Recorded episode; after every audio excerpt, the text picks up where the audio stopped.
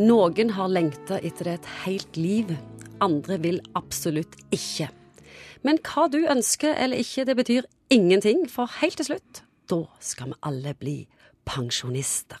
Mange elsker det, mens for andre så forsvinner kollegaer og nettverk, telefonen ringer ikke lenger, ingen har bruk for deg. Og det er ikke så kjekt som du trodde. Psykolog Egon Hagen, hvordan kan en best takle overgangen til å bli pensjonist? Den kan du takle på samme måte som alle andre overganger, med faktisk å være litt forberedt. eh, Og tenke litt på dette før det faktisk skjer. Hvis du har lagt alle eggene i en kurv, og alt handler om å få bekreftelse fra jobben f.eks., så vil jeg jo slite litt hvis jobben plutselig er vekke. Så det er lurt å tenke litt på om hvordan ser liksom livsgrammatikken totalt sett ut. Har du nok OK greier med venner, eller har du plassert alle investeringene dine bare i jobb? For da kan det jo bli et brølende mørke, og ganske trist når, eh, når du stempler ut den siste dagen. Er det noen som har kommet til deg og vil snakke om dette? Ikke så mye. Det har vært noen, men stort sett tror jeg folk vet at dette er en overgang. Og så er det òg mye snakk etter hvert på tvers egentlig om disse tingene, på smarte måter egentlig å liksom hit the ground running litt grann i denne pensjonisttilværelsen. Hva er det som skjer mentalt når vi går fra arbeidsliv til lediggang? Hva gjør det med folk å bli pensjonert? Nei, det, det du trenger å fylle tida. Men jeg vet ikke, du har sikkert snakket med mange pensjonister, du òg. Og det som slår meg, er at de er jo sinnssykt travle, alle. Så de har jo nesten ikke tid til noen ting. Eh, Men er det noe de kanskje føler behov for å si? Jeg tror det, for det handler om at, eh, å vise at du på en måte fortsatt er bidragsyter, at du holder på med ting, og at du ikke er fullstendig langtidsparkert, egentlig. Så det er ikke sikkert alle snakker helt sant?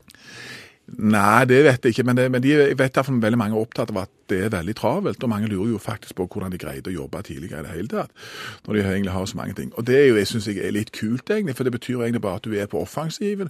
Du skjønner at skal du skape et meningsinnhold i dette, så må du pike det gjøre det selv. Og det å tenke at jeg er grævla aktiv, det, det synes jeg er, det er mye bedre enn å tenke at nå skal jeg nyte det, og så legger du deg på sofaen, for da kan det evige mørket komme fortere enn du aner. Men ikke alle greier det.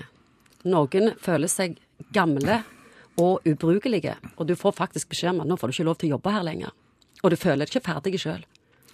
Da ville jeg tenkt sånn, hvordan skal jeg bruke det talentet og den erfaringen som man har? Er det være litt kreativ? Litt det samme sånn som folk nå som har vært i olja, som plutselig er arbeidsledige. Alt det du kan, alt det du har lært, hvordan kan du på en måte stå på skuldrene av det? Og, og selv om jobben er definitivt over, det er noe med å ikke sørge for at, du, at det blir et grella nederlag å gå ut av jobben. Noen begynner å slåss og vil ha en måned, et halvt år til osv. Mange ganger så tror jeg at det gjør at du blir sittende med sånn negativitet, egentlig at at når det er over, så er det, er det over. Å snu tankene dine og snu, snu energien din i forhold til de neste 30 åra. Hvor, mye- hvor mye du kan, egentlig kan skape av mening da. En pensjonist i dag er ikke som en pensjonist for uh, 30-40 år siden. Nei, de er ikke det. De er jo gjennomgående grader aktive, og mange gir uttrykk for at de trives, og at de har mange ting å holde på med. Og mange sitter ikke og holder på med barnebarna sine, for de er altfor busy med å reise verden rundt. Og... Ja, stemmer det. Så det er mange av som jeg har snakket med som sier at det er jo nesten umulig å få barnepass, fordi at mor og far er jo enten i Syden eller er i Sirdal, eller så er de på yogaretreater i en eller annen baskisk by. Og så er det jo blitt litt sånn at eh, alderen òg har forskjøvet seg, så at- at eh, 60 er det nye 50. Jeg tror en 70-åring var, når jeg vokste opp, iallfall gammel, for å si det sånn. En 70-åring når jeg vokste opp, var òg eldgammel, da var du nesten ferdig. Men nå er det akkurat som de får en ny vår. Ja, det er sant.